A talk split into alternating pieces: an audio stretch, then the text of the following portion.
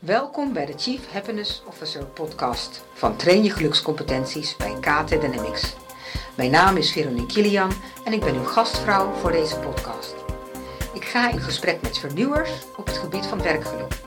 Ik leg contact met inspirerende sprekers die werkgeluk in praktijk brengen. Mensen die uitkomen voor geluk op het werk, gelukscompetenties trainen en werkgeluk verder durven brengen in een business. Op trainjegelukscompetenties.nl kan je nog tips nazoeken, handige checklists vinden en meer lezen in blogs over werkgeluk en gelukscompetenties. In deze aflevering vertelt Mark Vletter, oprichter van Voice, wat werkgeluk voor hem betekent en hoe hij ervoor zorgt dat hij zijn werkgeluk een hoog cijfer kan blijven geven. En wat maakt dat Voice op klantgeluk gemiddeld een 9 scoort. Beluister hoe je surveys over werkgeluk effectiever maakt, hoe je ruimte geeft voor experimenteren en hoe je als team een gewogen beslissing neemt. Welkom Mark. Jullie gebruiken het woord uh, werkgeluk heel actief in uh, de arbeidsmarkt. Uh, je website opent ermee. Werkgeluk komt veelvuldig voor in allerlei blogs ja. die jullie schrijven. Um, uh, jullie slogan is telefonie voor de leukste bedrijven van Nederland, waar jouw bedrijf en jouw klanten gelukkig van worden. Um, kun je mij vertellen wat voor jou geluk betekent in jouw bedrijf?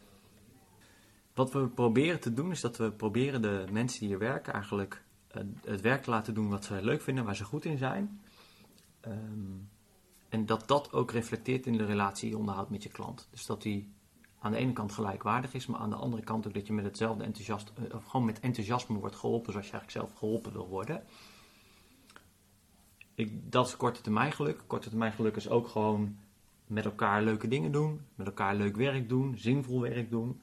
En op de lange termijn is het denk ik ook wat meer um, je persoonlijke ontwikkeling daarin. Dus hoe je jezelf als individu ontwikkelt tijdens je, je werk en daarbuiten. Ja.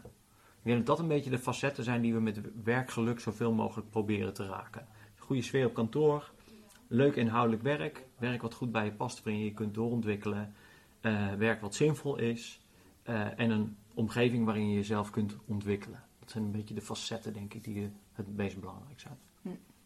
Ja, wat me vorige keer is uh, opgevallen toen ik uh, deelnam aan jullie spraakmakend sessie, ja. was dat het uh, er ook om ging dat je jezelf binnenbracht, inbracht in het bedrijf. Ja, dat je als je zelf eh, naar het werk komt.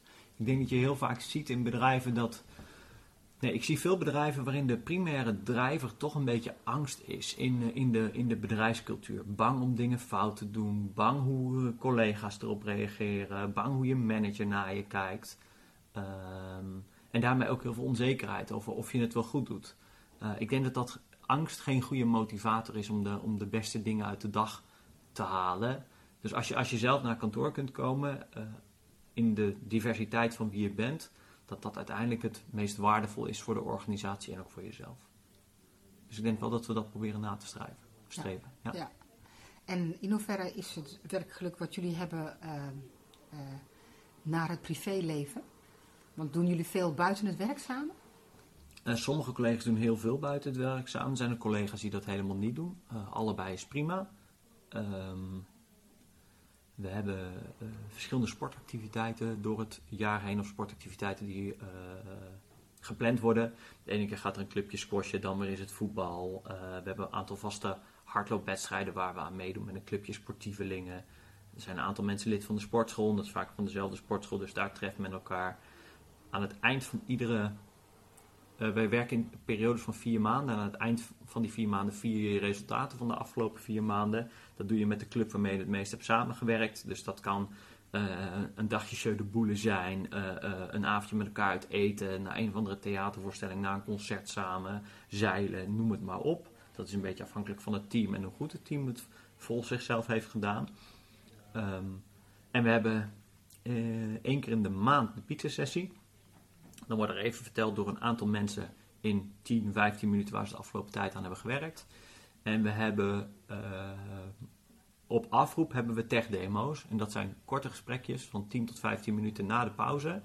Uh, waarin je eventjes kort vertelt van hey, dit project heb ik aangewerkt. Of dit is eventjes welke software we net hebben ontwikkeld. Gewoon even om de rest van het team te laten zien wat er gebeurt. Dus dat zijn een beetje de buitenwerkactiviteiten. En dan hebben we nog een aantal feestjes door het jaar heen. Waaronder het uh, grote Sinterkerst en Nieuwfeest toch wel het meest legendarische iets uh, ieder jaar. We hebben een high-sessie waarin we een weekend met z'n allen weggaan. Uh, maar alles is, is um, op eigen initiatief en op, op eigen aanwezigheid of afwezigheid. Behalve de pizza-sessie, want die is gewoon tijdens werktijd. Dus daar ben je in ieder geval bij de presentaties bij. Daarna eten we met elkaar. En dat is, als je thuis wil eten, dan is dat ook prima. Nou, dat is denk ik de droom van heel veel bedrijven. Dat medewerkers zelf initiatief gaan nemen. En ik heb ook niet zo heel veel medewerkers, ik heb heel veel collega's. Ik vind dat wel een hele belangrijke, belangrijk verschil. Want als je werknemers hebt, dan ben je ook automatisch werkgever. En dan kun je in één keer andere mensen de schuld geven van hoe het op kantoor eraan toe gaat. Terwijl als je het met collega's doet, dan kun je alleen maar elkaar aankijken over dingen die je anders wil doen. Of jezelf eigenlijk. Ik denk dat dat wel heel belangrijk is. Iedereen is bij ons in staat om wijzigingen of dingen waarvan ze ongelukkig worden te veranderen en aan te passen. En als je de organisatie de schuld kunt geven, dan is dat uh, voor niemand uh, goed. Mm. En uh, dat is wel hartstikke leuk om na iedere vier maanden zo'n resultaat samen te vieren. Daar worden we langzamerhand beter in. Dat ging in het begin, ging dat, vergaten we het vaak. En dan hadden we van tevoren afgesproken, joh, als we dit en dit halen, gaan we dat en dat doen. Maar dan kwam het er niet van. Maar ja, de afgelopen tijd gaat het echt wel beter. Ja. En is daar een bepaalde regel voor uh, dat ze zoveel procent van het budget daarvoor mogen gebruiken? Nee, budget is, uh, uh, volgens mij is er een budget gesteld dat je er per persoon aan mag uitgeven. Maar de, de gekheid van wat je doet is afhankelijk van hoe goed het resultaat is wat je met elkaar geboekt hebt. Dus aan het begin zeg je, als we het normaal, of, onder wat we met elkaar hebben bedacht halen, dan Ehm, moeten we zelf koken? Uh, hebben we het gewoon goed gedaan? Dan uh, gaan we uiteten. En uh, hebben we het heel goed gedaan? Dan gaan we uiteten op een bijzondere locatie. Ik noem maar eventjes wat. Het is vaak gekoppeld aan een thema, de activiteit die je gaat doen. Ehm, dus bijvoorbeeld op een gegeven moment was internationalisering het thema, gingen naar Duitsland. Dus daar zag je heel veel Duits gethematiseerde zaken. Dus ehm, daar is het een beetje afhankelijk van. het is inderdaad leuk om te, te doen en ook, ook je bewust te zijn van dat je iets met elkaar hebt neergezet. En je leert elkaar ook op een andere manier op die manier kennen. Dus ook dat is heel erg leuk. Hm. Ja. Oké. Okay. Nou, Voice is in 2006 opgericht, hè? staat in het Voice boekje. Ja. En wanneer was het besef van klantgeluk begonnen bij jou? We hebben eigenlijk vanaf het begin gezegd dat we de klant zouden behandelen zoals we zelf behandeld wilden worden. En uh, we zijn niet begonnen met, met, met, met de klant, we zijn eigenlijk altijd begonnen met onszelf. Dus hoe hebben we zelf leuk werk? Omdat we de verwachting hadden dat dat reflecteert op je, op je klantrelatie. Dus het klinkt misschien gek, maar het is collega's eerst en daarna klanten. En dat is ook altijd geweest. En ik heb denk ik in 2008 mijn eerste presentatie gegeven die Iedereen Leuk Werk heette. Waarbij het toen heel nog ging over hoe je een uh, proces zo kunt maken dat alle saaie handelingen eigenlijk in het proces zitten. En dat je, daar, eh, dat je dus als mens gewoon met de dingen bezig bent die belangrijk zijn. Dus bijvoorbeeld klantinteractie. Dus dat het maken van een offerte met drie klikjes kan, maar dat de klantinteractie hetgeen is waar de tijd in kost. En niet aan het schrijven van de offerte en uh, eigenlijk het saaie, repetitieve handelen. Dus uh, ja, 2008 is er ook richting de buitenwereld. Vanaf, vanaf dat moment werd er ook richting de buitenwereld veel over gecommuniceerd. Hm. Dus vanaf het begin af aan had je eigenlijk het al over werkgeluk? Um, ja, vanaf het begin af aan hebben we ook gezegd dat we, dat we daarin gelijk, op een gelijke manier wilden handelen. En vanaf het begin af aan hebben we ook wel eens dagen gehad dat we echt tot, uh, tot uh, tien uur s'avonds op kantoor zaten. En dagen dat we om drie uur zeiden van, oh, het is eigenlijk wel klaar voor vandaag. En dat we ook letterlijk gewoon op dat moment zoiets hadden van, ja, we hebben nou zo hard gekomen, we gaan gewoon vandaag eventjes niet. We gaan nu gewoon lekker naar huis. Schakelen we de telefoons door naar de mobiel. En wat er dan nog binnenkomt, handelen we thuis verder af. Tot, uh, tot groot vermaak van Chantal, die in het begin zoiets had van, joh, als dit zo blijft, dan... dan dan ben ik hier met twee maanden weer weg. En na twee maanden had ze het zo druk dat het, uh, dat, dat niet zo heel vaak meer voor was gekomen. Ja. En Chantal is? Oh, dat was de eerste collega die ik aannam in, uh, in 2007. Ja. Oké. Ik denk dat we vanaf het begin hebben gezegd: ik wil, ik wil een bedrijf, ik wil onderdeel zijn van een bedrijf waar um, ik het net zo leuk heb als al mijn collega's. Dat daar geen verschil in uh, zit. Dus dat je met elkaar zorgt dat je het allemaal een beetje naar het zin hebt met elkaar. Dus vanaf het begin hebben we heel erg de focus gehad op: hé, hey, we doen dit met elkaar. En er is geen bewust moment geweest van, van nou, nou kiezen we ervoor. het is vanaf het begin geweest van, joh, um, uh, we moeten het gewoon, je werk moet gewoon leuk zijn. En uh, het moet passen bij de persoon die jij bent. En uh, als je als persoon verandert, ont, verandert je werk daar dus omheen ook met je mee. en als je uitgeleerd bent, dan ga je ook dat, als je uitgeleerd bent, dan ga je dus weer ergens anders aan de slag, waar je weer nieuwe dingen kunt leren. Dat heeft vanaf het begin erin gezeten. Dat is ook altijd helemaal goed geweest. En heel, eigenlijk heel vanzelf. Dus eigenlijk, het, heel veel mensen vinden dat, ik, ik vind dat heel normaal. We zijn vanaf het begin, zeg ik altijd, een heel normaal bedrijf geweest. Ik vind alleen dat de buitenwereld af en toe een beetje gek is. En dat is helemaal prima. Maar ergens de, we werden wel eens gezien als een raar bedrijf. En zei ik al, ik heb het altijd omgedraaid. Van zijn andere bedrijven niet gewoon een beetje in de basis gek neergezet. Dat je alleen maar werkt om daar je geld te verdienen en dan het weekend leuke, werk, eh, leuke dingen gaat doen. Zou het niet zo moeten zijn dat je door de week ook leuke dingen uh, doet? En dat het dus niet zo heel erg uitmaakt. Ja, ja. ja. Nou, ik kan me voorstellen dat er eh, best wel veel mensen bij Voice zouden willen werken. We hebben, krijgen altijd veel reacties op sollicitaties, dus dat is hartstikke leuk. leuke nieuwe mensen er ook iedere keer die erbij komen. Ja, ja oké. Wat, wat doe jij zelf om werkgelukkig te blijven? En hoe, hoe zie je dat in je persoonlijke ontwikkeling? Um, het meest makkelijke is om dingen niet te doen die je niet leuk vindt. Dat, uh, dat merk ik altijd wel. Um, mijn uh, inbox bestaat voor uh, eh, 40% uit uitnodigingen om ergens een bijdrage aan te leveren. Ergens spreken, ergens over meedenken, etc. En als ik er niet gelijk een lach van op mijn gezicht krijg, dan doe ik het standaard al niet.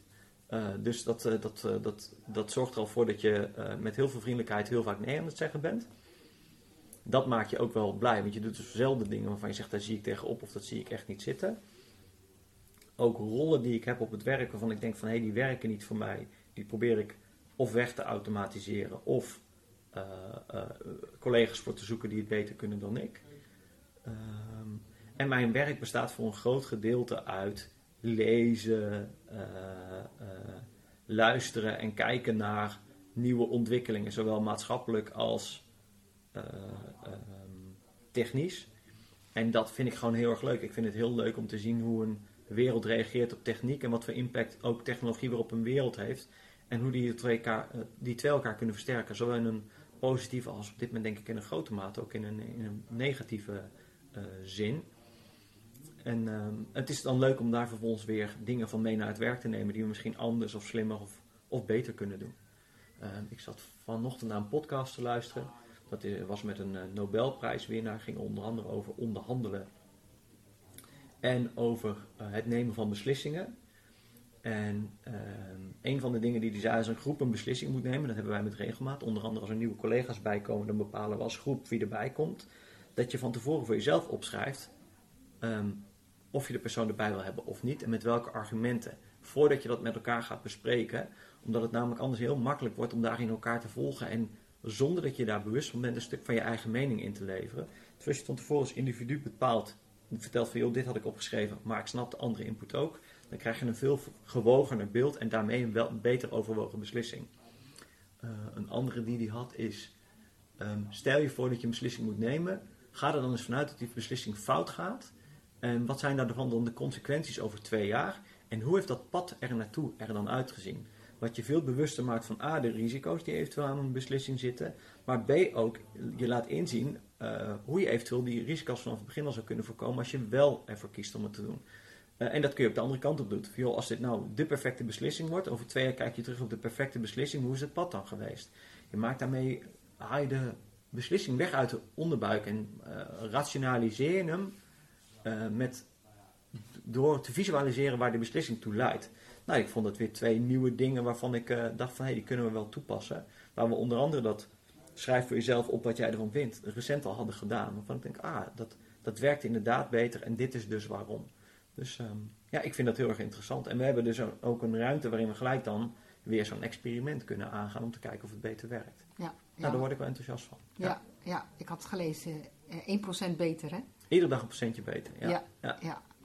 Nou, dat lijkt me wel een, een uh, heel slim om de dingen niet meer te hoeven te doen die je niet leuk vindt. Volgens mij is dat bij mensen die to-do-lijstjes maken, maak voor jezelf een to-don't-lijstje. Wat wil je niet meer doen? Het is, het is tien keer efficiënter. Want dingen niet doen die je niet leuk vindt, ja, dat, dat, dat, dat is gewoon heel makkelijk. Uh, of uh, dingen uitbesteden. Ik had het toevallig vandaag met Ben, ben over. Ben is collega-ondernemer. En wij zijn beide niet heel erg administratief onderlegd. En een van de dingen die we allebei anders hadden gedaan aan het begin van het bedrijf, is dat we administratie gelijk aan iemand hadden uitbesteed die het echt goed kan. Omdat het gewoon iets is waar we niet goed in zijn, waar we dus ook geen aandacht aan geven. En zelfs als je het dus uitbesteedt aan iemand die het niet goed doet, dat je daarin dus omdat het geen aandacht van je heeft en omdat je het niet interessant heeft, dat een verkeerde keuze gaat zijn. Dus zoek iemand die het ontzettend goed kan, besteed het daaraan uit en de kosten die erbij horen, neem ze voor lief, want het bespaart je zoveel zorg, uh, energie uh, en daarmee tijd, dat het zich altijd uit gaat betalen. Nou, dat soort dingen hadden we het vanochtend over en ik denk dat dat universeel voor iedereen is. Ja. Nou, dus uh, een hele goeie, die gaan we meenemen en maak een to-don't lijst. Ja. um, ik kan me voorstellen dat veel mensen zeggen van ja, maar dat kan ik me helemaal niet permitteren. Ik moet die taken, ook al vind ik ze niet leuk, toch uitvoeren. Hè? Hoe zie jij dat? Nou, vaak dat, dat, ik denk dat mensen dat vaak denken. En ik denk dat als je dat vervolgens met je collega's bespreekt, dat je er al vijf naar achter komt dat de dingen waar, die jij niet zo leuk vindt, dat anderen die wel erg interessant vinden. Dus dat je daarin uh, al snel leentjebuur kunt spelen. En het klinkt heel gek, maar we zijn naarmate de maatschappij aan het veranderen is en de schaalgrootte van wat we doen steeds groter wordt, zijn we ons ook steeds meer gaan specialiseren. Dus de, het werkveld wat we doen wordt steeds kleiner. Dus je kunt bijna voor alles wat je niet wilt doen, wel een specialist vinden die je daarmee beter, goedkoper en sneller kan dan jij. En um, ik denk dat als je daar slim mee omgaat, je ook bewust bent van je eigen uurtarief, van je eigen kostprijs. Een gemiddelde collega die hier werkt, die gewoon qua werkplek en qua uurloon kost in de organisatie zo rond de 40 euro per uur. Is kostprijs, niet eens wat ze opbrengen. Aan de opbrengskant is het nog veel hoger. Dus jij een uur met iets bezig bent wat een ander in 10 minuten kan, wat jou een uur en frustratie kost, dan is dat een hele dure activiteit. Nou, dan mag het best wel wat kosten om dat dus uit te besteden. Dus ik denk dat je iets kritisch moet kijken of het werkelijk niet kan. Ik denk dat niet kunnen echt vaker een excuus is dan een realiteit. Hmm. En uh, ik weet van de vorige keer, van de spraakmakersessie, dat jullie ook vragenlijsten hebben over geluk. En voor je mede, nee, sorry, voor je, collega's. ja. precies. Ja. Uh, ik meen me te herinneren dat je ook zei dat de, de uitslagen van die vragenlijsten over hoe gelukkig ben je hier als collega, uh, dat er niet zo heel veel mee gedaan werd. Is een beetje duaal. Um, uh, het grappige is, als je zo'n vragenlijst, die vragenlijst is nagenoeg gelijk aan, aan de vragenlijst die je krijgt bij bijvoorbeeld de gasunie. En bij de gasunie zijn de uh, reacties nagenoeg gelijk aan die je bij ons terugziet. Um, omdat het heel veel namelijk over menselijk gedrag vaak vangt en niet zoveel over uh, hoe je het met de collega's onderling met elkaar geregeld hebt. Dus die vragenlijsten zijn, hoe psychologisch onderbouwd ze ook zijn, vaak niet heel erg goed om te meten wat je wil meten. Wat we over het algemeen doen met zo'n lijst is dat we kijken naar waar scoren we het laagst en dat zijn de belangrijkste verbeterpunten voor dat jaar. Het is veel interessanter om te kijken naar werkelijk gedrag dan wat iemand zegt wat hij gaat doen. Als ik een collega van mij vraag, uh, sport je voldoende en eet je gezond? Dan zal de algemene tendens zijn, ja dat, dat, dat doe ik. Terwijl als ik vraag, hoe vaak heb je deze week gesport? Wat heb je vanochtend gegeten? Wat heb je gisteren gegeten? Ja, ik heb deze week niet gesport, want het weer was wat slecht en ik sport altijd buiten. Dus ik ben, uh, ja, ik ben er deze week eigenlijk niet aan toegekomen. Maar normaliter ga ik wel twee keer in de week naar buiten om te sporten. En um, uh, omdat het stuk weer was, heb ik vandaag ook geen boodschappen kunnen doen. Dus ik heb even wat besteld. Dan zie je werkelijk gedrag. En werkelijk gedrag is veel interessanter om naar te kijken dan, uh, dan wat mensen zeggen dat ze gaan doen. Dus ik vind de valorisatie van dit soort vragenlijsten vind ik eigenlijk relevanter dan de vragenlijst zelf. Dus we zijn erin nu ook op zoek naar of we dit beter en slimmer kunnen uh, doen.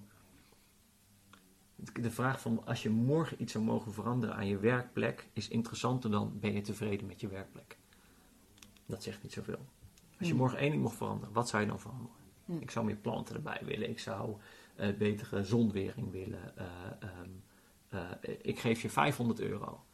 Um, en je mag iets daarmee doen. Wat zou je op dit moment daar dan uitgeven als het werkgerelateerd is? Dat soort vragen zijn dan gaan mensen nadenken over wat zou ik doen. Niet wat, ga ik, wat denk ik dat ik ermee ga uh, doen. Dus ik denk dat je slimmer met die vragen om moet gaan. En daar zijn we toevallig ook mee bezig om daar uh, ja, op een andere manier naar te gaan kijken en te gaan meten. Hm. Ja. En dat zou dan ook het werkgeluk verhogen? Uh, ja, ik denk, uh, ik denk het wel. Ook al de grootste drivers nog steeds is, bij ons ook, en dat is denk ik in ieder geval is hoe druk ervaar ik het werk, is een grote driver van geluk. Eh, een grote driver is, zitten de, zit ik in mijn team op mijn plek en zitten mijn teamleden dat ook. Uh, heel vaak wordt er gedaan aan intervisie of teamtraining om te kijken of ze teams beter kunnen laten functioneren. Terwijl ik in de praktijk zie is dat iemand uit het team halen die niet goed functioneert, over het algemeen de grootste bijdrage levert aan het totale teamgeluk. Dus Ehm, ik vraag me dan eens af of we de juiste dingen aan het doen zijn als je naar dit soort zaken kijkt. Ik vind vooral dat we in het onboorden van nieuwe collega's, maar ook het gedag zeggen tegen bestaande collega's die gewoon uitgeleerd zijn en eigenlijk toe zijn naar wat anders, dat dat misschien wel de grootste bijdrage kan geven aan, uh, aan teamprestaties en teamgeluk en hoe mensen dat ervaren. Dus daar mag nog wel wat aan gebeuren. Hm. Ook bij ons. Ja, oké. Heb je zelf periodes meegemaakt dat je uh, dacht van, nou ja, mijn geluk is nu wel een beetje zo rond de zes of lager? En, en... Hebben wel periodes gehad dat het met het werk moeizaam was, maar ik ben iemand die, die ook al was de dag een zes, dan sta ik de volgende dag weer op en dan voel ik me wel weer een negen, want het is een nieuwe dag. Uh, en dan ga ik dan weer kijken hoe, hoe die dag zich gaat gedragen en verhouden. En als ik me ook een tijdje lang niet blij zou voelen op mijn werk, zou ik daar heel snel op acteren. Dus ik maak dat zelf niet zo heel vaak, heel vaak mee. Nee, je grijpt snel in, zou ik maar ja, zeggen. op het moment dat het niet goed genoeg zou gaan, dan zou ik daarop uh, acteren. Ja. Gewoon omdat ik, omdat ik het zonde vind van mijn tijd om het niet te doen. Ja, dan zou je keuzes maken. Ja, ja. ja ook heel snel. Hm. Ja. Dus, um, uh, en ik twijfel, ik denk zo'n twee keer per jaar echt wel aan of ik nog de juiste dingen aan het doen ben. En dan ben ik even wat meer disconnected van alles om me heen. En meestal kom ik dan tot de conclusie dat ik bepaalde dingen anders wil doen. Of dat ik niet moet zeiken en dat het eigenlijk wel dikke prima is zo. Dus, uh, en allebei is goed. Ik vind dat je moet specialiseren in de dingen die je interessant vindt en die ook passen bij je rol. Nou, zo heb ik bijvoorbeeld een rol voor uh, uh, visie van de organisatie.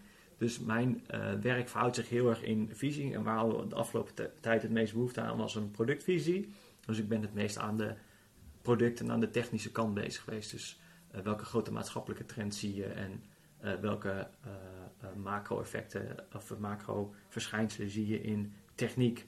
En dus daar heeft de afgelopen tijd qua lezen en luisteren het meest mijn focus uh, ook gelegen. Ja, ja. oké. En ook daarin geldt, je kunt je tijd maar één keer uitgeven, dus je moet het dan uitgeven aan de dingen die op dat moment het meeste waarde toevoegen.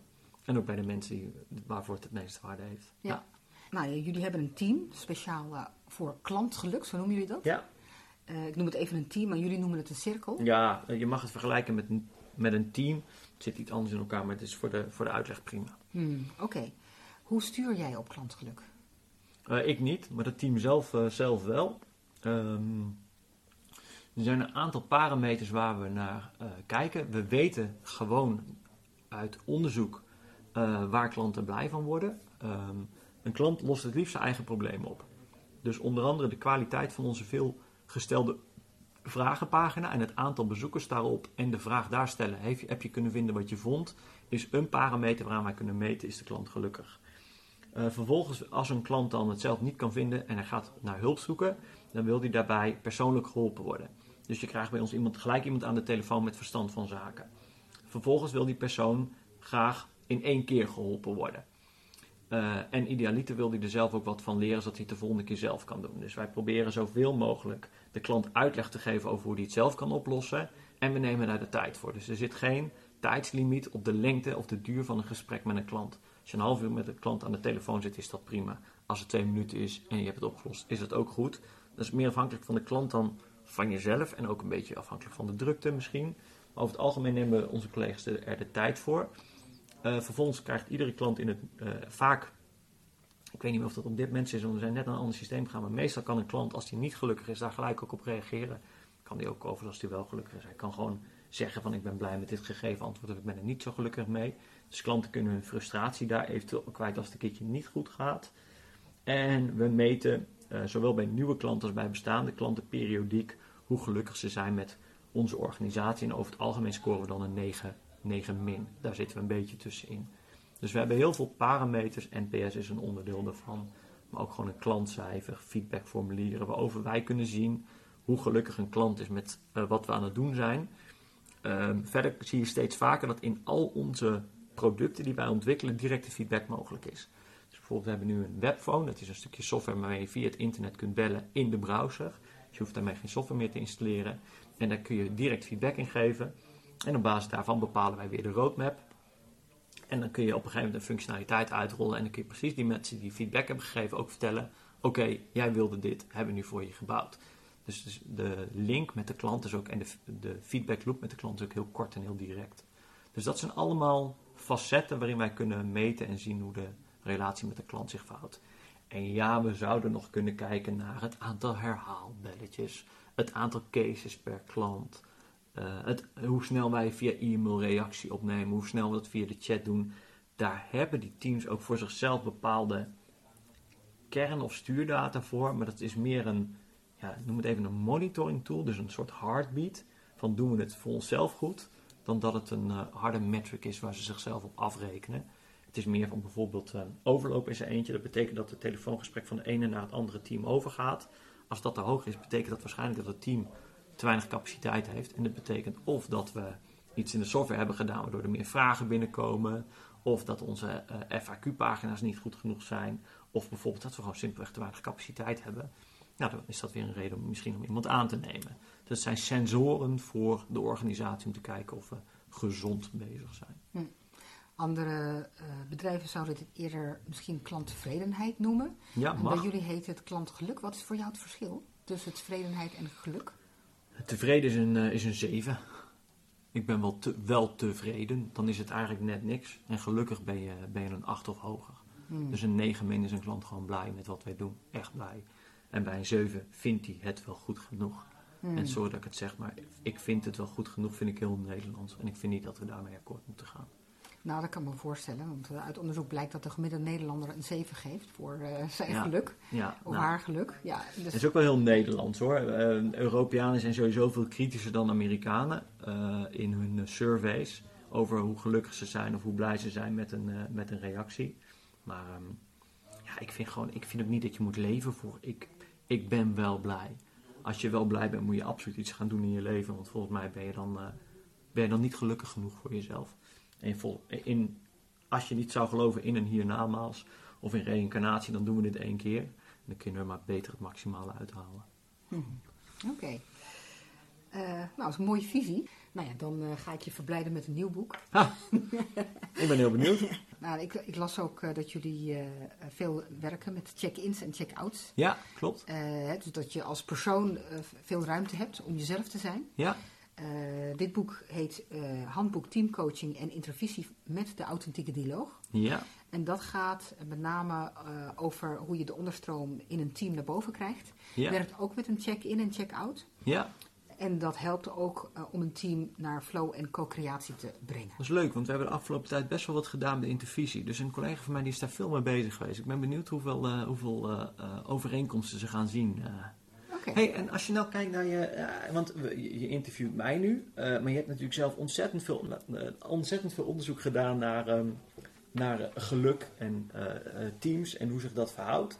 Wat herken je van wat, wat, wat wij doen en wat, waar zie je verschillen of dingen van je zegt van, oh, daar zie je over het algemeen andere accenten?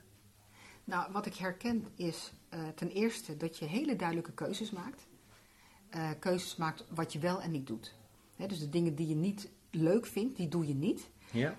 Uh, en die keuzes zijn niet alleen helder, maar ze zijn ook. Je kunt het wegorganiseren, zou ik maar zeggen. Ja. Uh, en ik denk dat veel mensen het lastig vinden om de dingen die ze moeten doen, of vinden dat ze die moeten doen, om die of te doen met tegenzin, of te doen met plezier, of om ze weg te organiseren. Dus op een manier werken jullie slimmer, zou ik maar zeggen. Want je kunt het je permitteren om de leuke dingen te doen. Ja. De tweede is, je acteert snel. Hè? Dus je bent je bewust van je geluksniveau, zou ik maar zeggen. Wanneer je 9 voor jezelf hebt, of een 7 of een 6. En ik ben nog niemand tegengekomen die altijd alleen maar op 9 zit, zou ik maar nee, zeggen. dat bestaat er niet. Nee, dus, dus je, je fluctueert in stemming en emotie. Uh, maar op het moment dat die stemming en emotie je feedback geeft, dan doe je er ook wat mee. Dus dat is een hele belangrijke. Hè? Sommige mensen die ja, blijven zitten uh, omdat ze zeggen, ja, ik moet de hypotheek betalen en ik kan hier niet weg. En Ja. ik moet deze, deze reorganisatie overleven of Ja. ik hoef nog maar een paar jaar tot aan mijn pensioen. dus eh, het, eh, de ruimte hebben in jezelf om die keuzes te maken. En ook radicaal te maken. Als je zegt dat je twee keer eh, per jaar twijfelt van doe ik nog de juiste dingen. Dan zit er ook de consequentie aan dat je de beslissing zou kunnen nemen Om wat anders te gaan. ja, om het anders aan te gaan doen. En sommige mensen die denken, ja, ik zit hier aan vast. Of het geeft hun te veel status. Of eh, er zijn, in, laten we zeggen, een aantal behoeftes die op dat moment worden vervuld. Ja. Waardoor ze zichzelf niet zoveel ruimte zouden kunnen geven. En jij hebt jezelf die volledige ruimte gegeven. Dus dat vind ik een hele mooie. Wat belangrijk is, is je hebt wat ik noem bewijslast. En bewijslast betekent, uh, je kunt laten zien dat het werkt. Want je hebt meer klanten, die klanten zijn gelukkig. Je kunt uh, laten zien dat die klanten ook een hoge rating geven. Ja. Uh, er je zijn... kunt zien dat ze andere klanten aanraden klanten worden. Ja, het zijn Ja. allemaal op basis. Ja. Er is, we hebben heel veel data om, eh, om, te, om te bewijzen dat dit best wel aardig werkt. Zo. Precies, ja. Ja. Nou, en ik heb eh, eh, een van de klanten die ik begeleid, eh, die zit ook in een redelijk goed eh, lopend bedrijf. Daar is hij oprichter en directeur van. En hij wil eigenlijk ook naar een organisatie waar veel meer eh, zelf gebeurt. Hè. Laat ik zo zeggen eh, dat er veel creativiteit is. En mijn volgende boek, mijn derde boek, gaat over eh, eh, teams die floreren. Dat wil zeggen dat er maximale creativiteit is. Dat is wat ik terugzie bij Voice. Hè, wat ik terug hoor in jouw verhaal. Ja. En, eh, en hij zit erover te denken, die klant, van ja, moet ik dan helemaal weg? En ik heb aangegeven van ja, je kunt die keus maken, maar de consequentie is, dan heb je ook niet de bewijslast meer. Dat op het moment dat je daar zit, dat jouw bedrijf, omdat eh, je daar zoveel investeert in maximale vrijheid voor de collega's, om daar eh, eh, creatief te zijn, hè, dat, dat, dat, ehm, dat straalt dan ook mede van jou af. Ja. En je bent nog midden in het proces om die creativiteit los te krijgen. Want het is niet zo dat je eh, een bedrijf eh, en een team kunt zeggen: Nou, oké, vanaf vandaag doen jullie gewoon alles zelf. Want Nee, eh, nee, dat zie je heel vaak gebeuren bij de stap naar zelfsturing. En. Dat is altijd een drama. ja, dus dat is een, in totaal ja, zwemmen en verzuipen, zou ik maar zeggen. Ja, Dus het is zo belangrijk om dat heel goed te begeleiden. Ja. Het, het kan niet van dag 1 op naar dag 2. En, nee. Eh, en die kaders, hè, want de ho- holacracy die jullie gebruiken, die ik bestudeerd heb, ja. en die geeft hele scherpe kaders. afspraken. En afspraken. klopt. en daarbinnen kun je floreren. En anders dan eh, wordt het gewoon verzuipen. Ja, ja. Hey, en wat zie je nou dat teams die het heel goed, eh, die goed samenwerken, wat, wat zie je nou dat, wat zie je daar binnen ontstaan? Wat, wat voor eigenschappen hebben die teams waardoor je zegt, dan werkt het? Ehm, nou, een van de teams die ik heb begeleid is een managementteam. En die, die waren een half jaar bij elkaar. Maar ze kenden elkaar wel redelijk, maar nog niet zo goed genoeg dat ze echt in een dieper niveau een team waren. Ja? Dus een van de dingen die een team, waarbij je zegt van dat werkt het, dat ze in een teamflow zitten, die zijn door een fase gegaan, eh, die noem ik de intimiteitsfase. Dat is niet eh, slecht bedoeld, Nee, maar die kennen elkaar. ja, die, die zijn in staat om zichzelf kwetsbaar op te stellen. Nou, in dit geval hadden ze eh, de keus om dat ook heel diepgaand te doen, want het was een managementteam, of is een managementteam, eh, waarvan eh, een van de zakelijke partners, vriend en collega, overleed. In de periode dat ik ze begeleiden. Ja, dan kan je of kiezen om dat allemaal voor jezelf te houden, of je kunt er samen op een diep niveau doorheen gaan. Ja. En daar hebben ze voor gekozen. Daar hebben ze authentieke dialoog voor ge- gebruikt. Het tweede is, ehm, eh, ze hebben gezien van elkaar hoe ze met elkaar een verandering kunnen doorzetten. En daar gebruik ik eh, de zogenaamde Aimcube voor. En eh, de Aimcube dat is een model waarin je eh, als het ware in vijf posities, om grof te zeggen, van idee tot manifestatie komt. En als je met elkaar daarop kan inspelen om van ideeën tot manifestatie te komen, dan kun je veel meer naar een teamresultaat. Want als je heel veel mensen hebt die alleen maar ideeën hebben en niemand die het afmaakt, dan, dan, wordt het heel lastig. Dus je Ja. moet weten hoe je elkaar moet inzetten, zou ik maar zeggen. En hoe je elkaar moet, ja, ik zou bijna zeggen, moet kaderen. Ja. Dus dat je eh, als Waar iemand... stopt de een en begint de ander? Ja, precies. En, want ja, iemand zal meestal doen wat hij eh, doet, ondanks zichzelf, zou ik maar zeggen. Ja, dus elkaar goed kennen, eh intiem en, en kwetsbaar. Daar, daar begint het een beetje mee. Dat is je onderstroom. Daarna weten waar iedereen goed in is en in welke fase je kunt inzetten. Dat is deel 2. En de deel 3 is je purpose. Dus heel duidelijk weten waar je met elkaar naartoe wil. Eh, ik gebruik daar opstellingen voor.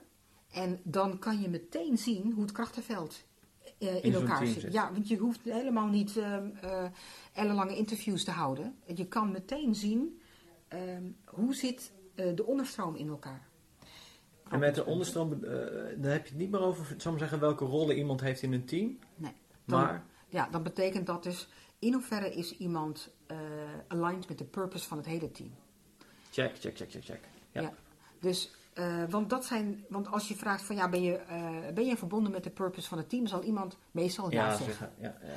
Maar of iemand echt wel of niet erbij zit, is het, eh, is het nog te lijmen bijvoorbeeld.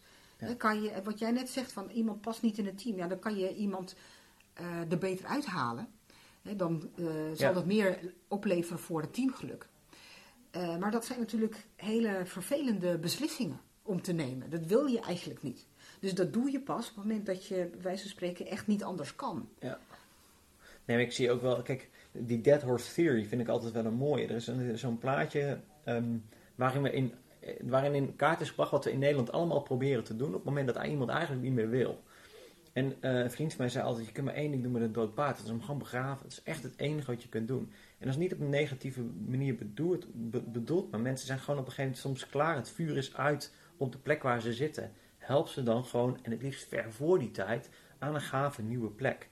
En wat dat betreft is daar in dat stuk is heel weinig aandacht. En de consequenties daarvoor voor ja, iedere, iedere instelling, vooral instellingen, gemeentes en, en, en, en scholen eh, zijn daar nog wel het ergste in. De consequenties zijn daarvoor vaak een beetje dode organisaties. Een vriend van mij zei altijd, je gaat zo snel als de langzaamste in een team. Het is een beetje de, de boeggolf van een schip. Die wordt bepaald door degene die eigenlijk niet wil. En volgens mij heeft hij daar stiekem wel een klein beetje gelijk in. Maar goed, Ja, nou, moet je heel kwetsbaar in zijn, wil je dat gesprek actief met elkaar kunnen voeren. Ja. Ja. Nou ja, wat dat betreft is het daarom juist ook zo mooi dat jullie daarin radicale keuzes maken. Ja. En dat jullie eh, daardoor dat werkgeluk hoog kunnen houden. Hè? Want werkgeluk betekent niet het vermijden van vervelende dingen. Het betekent juist het aangaan. Ja. En eh, eh, ja, het werkgeluk hoog houden. En ik vind het mooi dat jullie daar voor jezelf op die negen willen zitten. ja. Nou, dankjewel. Graag gedaan. En heel veel succes met de rest van je podcastserie. Ja, dankjewel. Wil je nou zelf aan de slag met werkgeluk? Ga dan naar onze website www.trainjegelukscompetenties.nl waar je meer informatie vindt over de opleiding tot Chief Happiness Officer. Ook in de masterclasses krijg je concrete handvatten en praktijkvoorbeelden van organisaties die actief met werkgeluk bezig zijn. Word je blij van deze podcast? Abonneer je dan nu en geef het een like, zodat meer mensen deze podcast kunnen vinden. Heb je ideeën, tips of wil je een onderwerp inbrengen?